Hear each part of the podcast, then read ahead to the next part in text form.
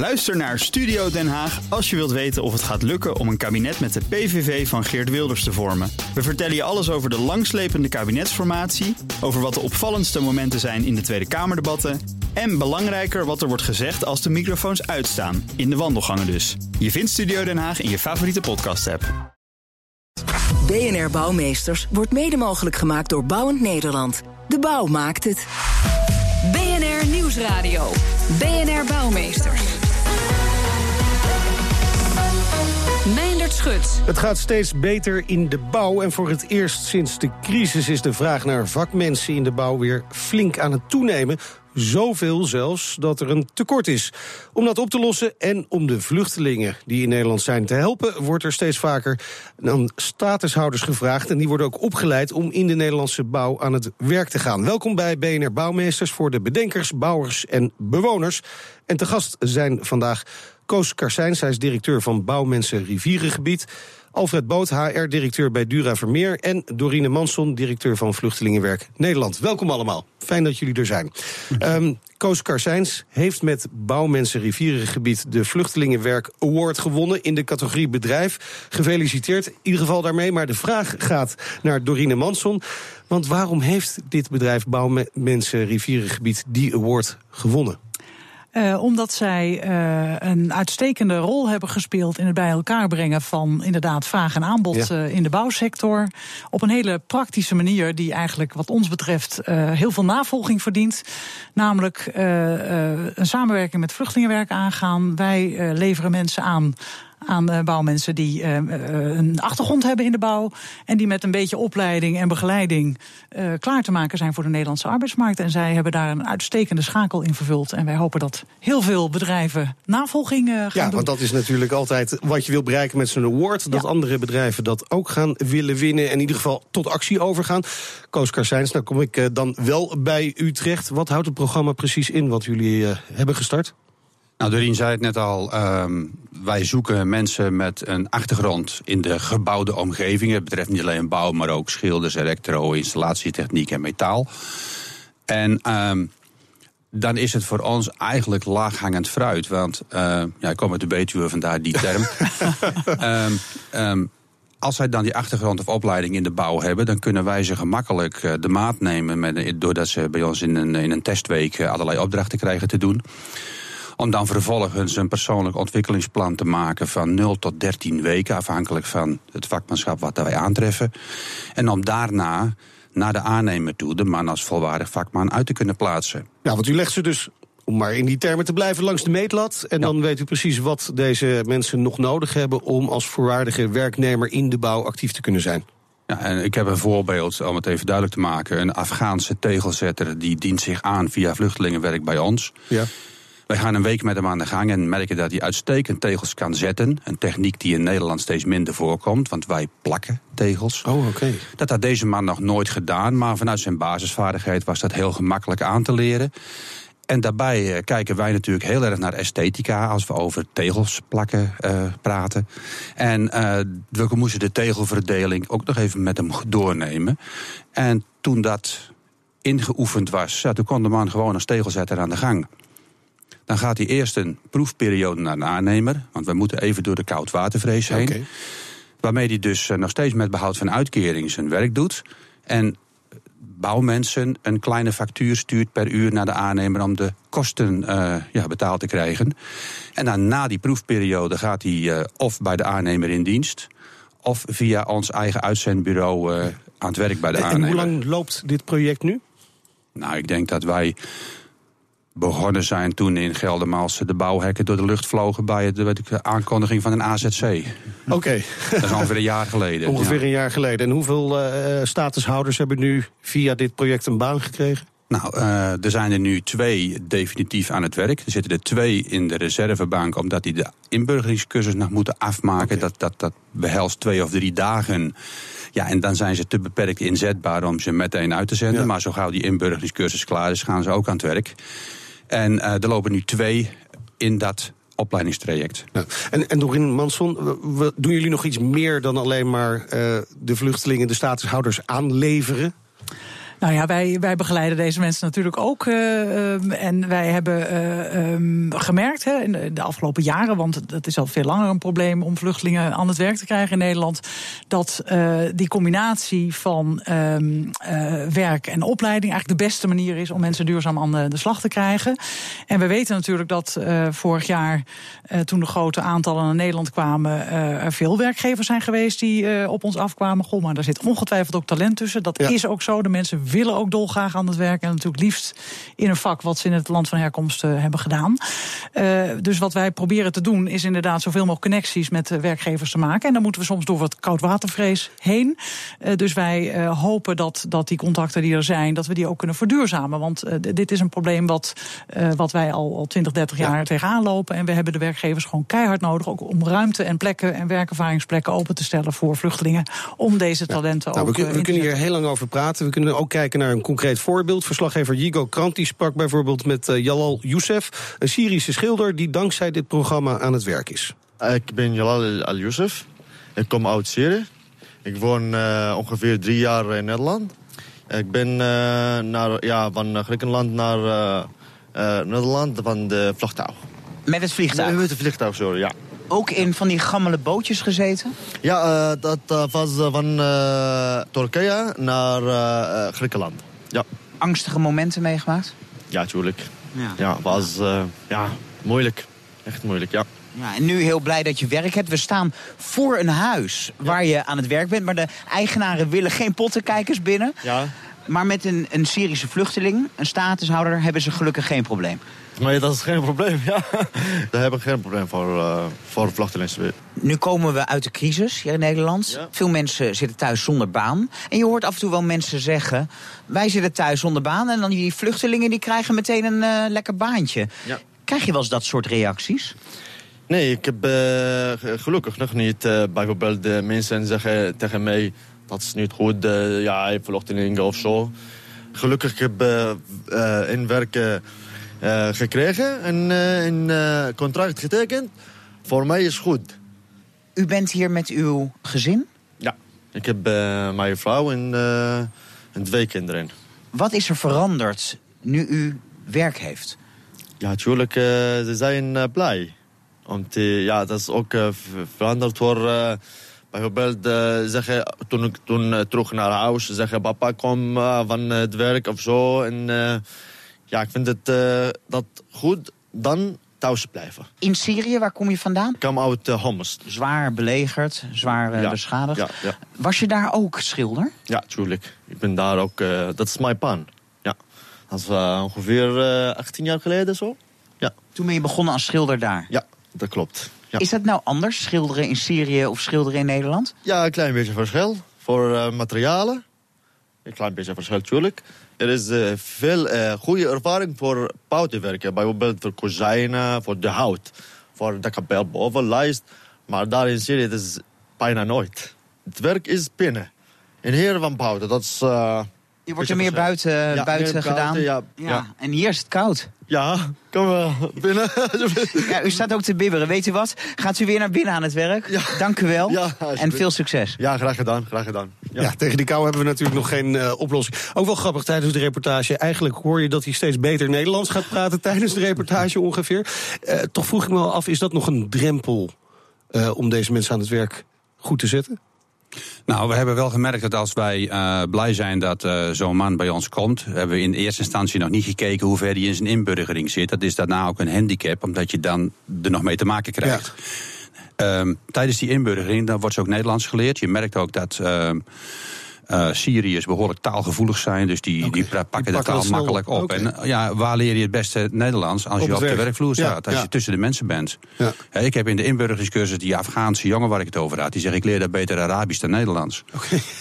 Omdat hij tussen de mensen zit. Ja, ja, precies. Dat is belangrijk. Hey, en en de, de, de kwali uh, kwaliteiten van deze mensen, we hebben nu een schilder gehad die al schilder was, een uh, tegelzetter die tegelplakker moest worden, maar het zat allemaal dichtbij. Moeten ze allemaal wel een opleiding in de bouw hebben of gewerkt hebben in de bouw, een achtergrond daarin? Nou, in, in, in deze groep wel, omdat ik noemde het laaghangend fruit. Ja. Dat, dat brengt het met zich mee dat ze de opleiding achter de rug hebben of de werkervaring. Maar kunnen we ook die volgende stap Ja, maken? zeker, dat kan wel, maar dan hebben we een periode van twee jaar nodig. We gaan de opleiding niet verlogenen. Die duurt twee tot vier jaar. Dat is een MBO-opleiding op niveau 2, 3 of 4, afhankelijk van waar je instapt. Ja, dus die opleiding die is wel heel belangrijk. Eh, Alfred Boot, over opleidingen gesproken. Eh, Dura Vermeer neemt ook vluchtelingen aan. Hè. Jullie zijn er, hebben een actief programma op.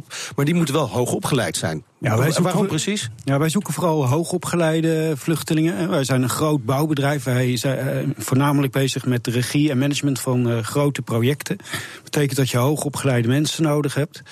Eh, en die zijn gewoon schaars. En, dus wij zien ook mogelijkheden bij vluchtelingen. We hebben er inmiddels vier werken. Nummer vier is gisteren begonnen. Ja, en we gaan nu beginnen met een, een klasje van vier vluchtelingen. Oké. En dat zit op HBO-niveau. Oké, maar hoe vinden jullie ze? Gaat het ook via Vluchtelingenwerk eh, Nederland? Nou, het gaat via een gelieerde organisatie, het UAF. Ah, Ja, dat is oké. speciaal voor hoogopgeleide vluchtelingen. Maar die moeten wel heel goed Nederlands spreken, want die gaan een opleiding volgen op HBO-niveau.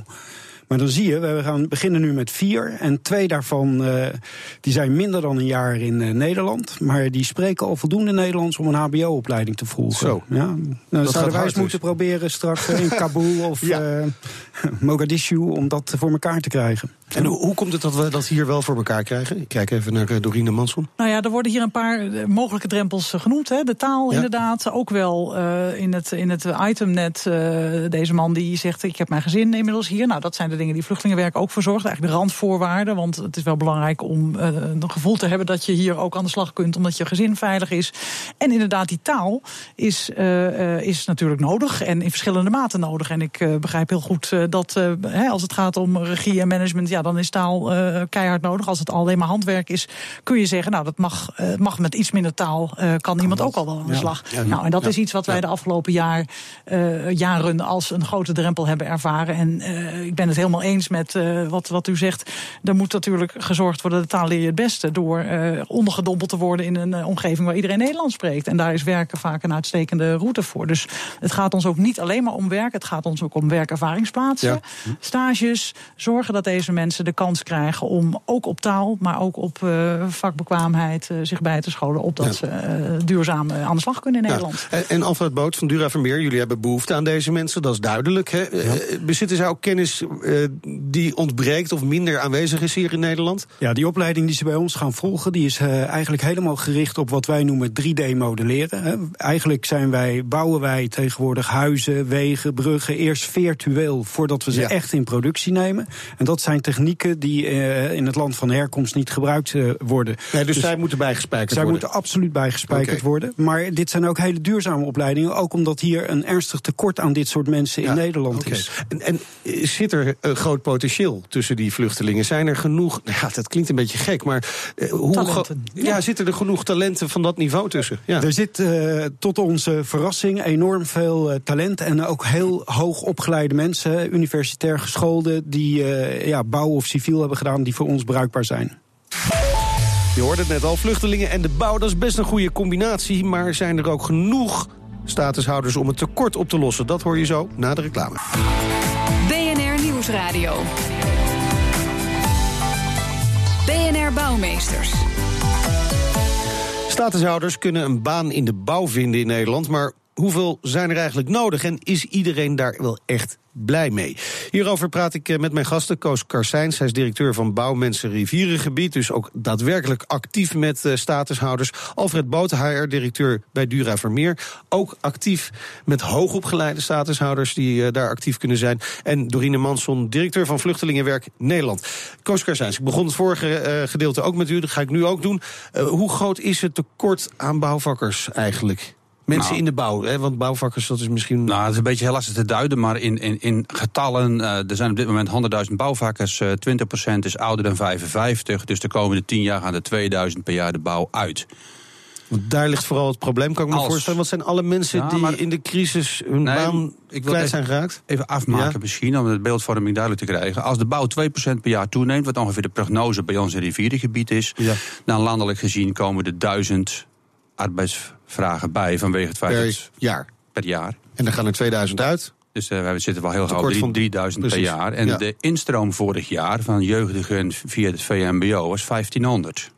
Ja, dat is te weinig dus. Nou, we weten wel dat in totaliteit het aantal bouwvakkers af zal nemen door de- door de innovaties en de legalisering en hoe we het anders mogen noemen. Maar er blijft gewoon een tekort. Als we dan onze statushouders zien, en mijn ambitie is 5 tot 10 van deze jongens per jaar in mijn locatie. En we doen dat keer 50 opleidingsbedrijven in Nederland, dan praat je opeens over 250 tot 500. En dan heb je wel een substantiële aanvulling op je instroom. Als je daarnaast nog gaat kijken naar de reguliere zij-instroom van mensen met afstand tot de arbeidsmarkt, waaronder statushouders die geen opleiding hebben, maar ook Nederlanders met Ja. een verkeerde opleiding Ja. die in de bouw zouden willen werken, dan kunnen we het daarin aanvullen. Maar daar moeten we nog een paar stappen nemen. Ja, dan moeten we een paar stappen nemen. Dus eh, we kunnen niet stellen, als we al die bouwvakkers die in de crisis hun baan kwijt zijn geraakt, weer actief aan het werk krijgen, dan hebben we dit probleem dus niet opgelost.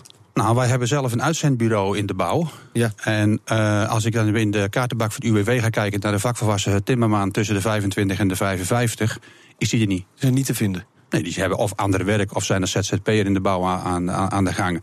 Maar ze zijn er niet. En dus ligt de oplossing, of een van de oplossingen moeten we zeggen, bij statushouders die dat werk kunnen gaan doen. Nou, dat was voor ons inderdaad het, de, de- dat was de makkelijkste benaderbare groep, omdat die het snelst aan de gang kan. Het laaghangend fruit. Precies. Waar u het Precies. eerder over had. Ehm, eh, Alfred Boot, hoe, hoe zit dat bij jullie? Eh, hebben jullie ook, is dat inderdaad eh, niet op een andere manier op te lossen? Ehm, nou, het leidt niet tot verdringingen bij ons, omdat eh, er is echt structureel schaarste. dat is wel de kritiek die jullie kunnen krijgen natuurlijk. Ja, hè? ja, maar we horen hem eigenlijk van onze eigen mensen eh, en van relaties zo eigenlijk niet, omdat iedereen weet wat. Dat, eh, dat die hoogopgeleide technische mensen, dat daar echt een structurele schaarste is. En die schaarste gaat de komende jaren alleen maar toenemen. Dus wat ons betreft zijn ze meer dan welkom. En dat geldt overigens ook voor gewoon Nederlandse hoogopgeleide eh, eh, mensen met een civiele of bouwkundige achtergrond. Die zijn ook Ja, u welkom. bent daar niet selectief in. Dat nee, helemaal niet. Nee, nee, nee, nee. En dat geldt bij ons net Juist zo niet, hoor. ja, We zijn er ook niet selectief in. Nee, Iedereen nee. die een bouwopleiding zou willen volgen, daar proberen we maatwerkoplossing voor te vinden. Alleen deze groep die. Eh, die eh, eh, leende zich voor projectmatige aanpak. Ja. En we proberen ook nog te creëren dat de groep gewoon met afstand tot de arbeidsmarkt Nederland en waar, van ook de waar dan ook vandaan, dat daar ook passende oplossingen voor gemaakt worden. Ja, en Alfred Boot van de Dura Vermeer, u zei al, hè, er is potentieel binnen die groep van statushouders. Er lopen nu een paar trajecten waar we van beide Mhm. voorbeelden hebben gehoord. Waar een aantal vluchtelingen eh, aan het werk is gezet. Ja. Maar het zijn nog steeds hele kleine getallen. Hè. Hoe, hoe zorgen we ervoor dat veel meer van die statushouders aan het werk komen? Ehm, nou, dat zijn, er zijn een paar eh, dingen die ik daarover kan zeggen eigenlijk. Ehm, kijk, het zijn inderdaad kleine aantallen, maar je moet het vooral toch klein houden om er een succes van te kunnen Waarom? maken. Ja, het vergt aandacht. Ja, en zeker als je begint, moet er toch ook binnen je eigen organisatie even het ijs gebroken Heeft dat met worden. die koudwatervrees te maken? Ja, Toch met- weerstand? Geen weerstand, maar wel Nee. koudwatervrees. En wat Kijk, is het verschil? eh, ik denk dat iedereen, eh, dat merk ik bij ons bedrijf, hier heel positief tegenover staat. Maar, eh, maar wat je ziet is dat de eerste vluchteling die binnenkomt, die wordt toch even afgezet tegen de beste mannelijke werkvoorbereider die het hoogste opgeleid is. Dat is de meetlat waar die langs gaat. Dus de eerste mensen die binnenkomen, die moet je heel zorgvuldig Die moeten selecteren. supergoed zijn. Supergoed zijn, ja. Je moet even het ijs breken. Ja, dus. ehm, ehm, wat was je vraag nou ook weer precies? Nou, dat zei, het is nu nog. We hebben nu Ja. voorbeelden gehoord, hartstikke goed. Maar het zijn nog steeds Oh, kleine niet aantallen, Kleine ja. aantallen. En eh, er, zijn heel veel statushouders, zeker Ja. afgelopen zomer bijgekomen ook. Eh, die zouden we graag allemaal aan het werk willen zetten Nee, natuurlijk. dat klopt. Maar die opleiding die wij gestart zijn bijvoorbeeld, hè, die, eh, wat dat betreft is dat ook klein starten. Hè. We doen het nu met vier statushouders. Even kijken hoe het werkt, zorgen dat het ingeregeld wordt. Maar wat ons betreft mogen andere bouwbedrijven daar echt bij aansluiten. Graag zelfs. En dan geven jullie ook advies precies. We geven we ook advies. Ja. En, eh, ja, Ja, dan ga je je eigen concurrentie ga je opwerpen. Misschien wel, maar. Ja. eh, het is voor ons niet alleen te doen om eh, selectief eh, goed, eh, goede mensen te krijgen. Er zit bij ons echt ook een MVO-doelstelling achter. Bij jullie ook, Koos Nou, wij zijn een eh, coöperatie Ja, bouwmensen van samenwerkende opleidingsbedrijven in Nederland. We zijn zo'n 25 tot 28 eh man sterk. Eh, de andere opleidingsbedrijven weten dat dit plan gemaakt is. Die hebben mij ook gelaten van joh, perfectioneer het eerst. En dan wordt het copy-paste naar andere regio's. Want het is gewoon over te nemen. Ja. het is een model wat, wat ook andere opleidingsbedrijven gewoon kunnen. Want opleiden, dat kunnen ze allemaal. En het is even met elkaar de spelregels doornemen.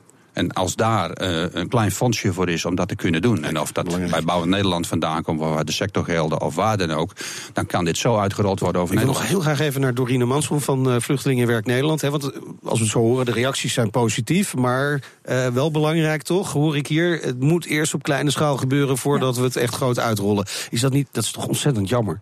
Nou nee, ik ben er heel erg blij mee. En ik geloof ook in die aanpak van uh, gewoon het goed, uh, goed klein beginnen. Laten zien dat het werkt. Ook aan de collega's. Want ik herken ook uh, wat meneer Boot zegt. Vluchtelingen zeggen mij ook vaak als ze ergens beginnen. Ik moet echt nog veel beter zijn dan al mijn collega's. Omdat ik de eerste ben hè, die moet laten zien dat ik het echt ook waar kan maken. En daarom nemen ze geen pauze? En da daarom nemen ze geen pauze. Zij, ze ja, zijn ja. super gemotiveerd. Okay. En voelen dus ook wel die druk van het, ik, ik, moet, ik krijg die kans en die moet ik dan ook meer dan waarmaken. En, en dat moet je, dat moet moet je ook de tijd gunnen. Uh, en inderdaad, ook bedrijven moeten het ook echt willen. Want er zit natuurlijk, zeker in het begin, ook die extra ja. begeleiding wel bij om te begrijpen hoe dat allemaal in Nederland in elkaar zit. Daar kunnen onze mensen in helpen. De, de mentoren van het UAF werd al genoemd. Maar het bedrijf moet het echt willen en moet daar ook uh, ja, in doorzetten. Net zoals deze vluchtelingen daarin doorzetten. Dan heb ik nog één vraag voor u. Hè, want het is een heel mooi verhaal. Maar één vraag voor u op de actualiteit. We hebben natuurlijk allemaal uh, zijn we wakker geworden met een nieuwe president-elect in de Verenigde Staten, Donald Trump. Die heel veel heeft gezegd over vluchtelingen. Vrees u dat er uh, nog veel meer vluchtelingen hierdoor naar Europa gaan komen?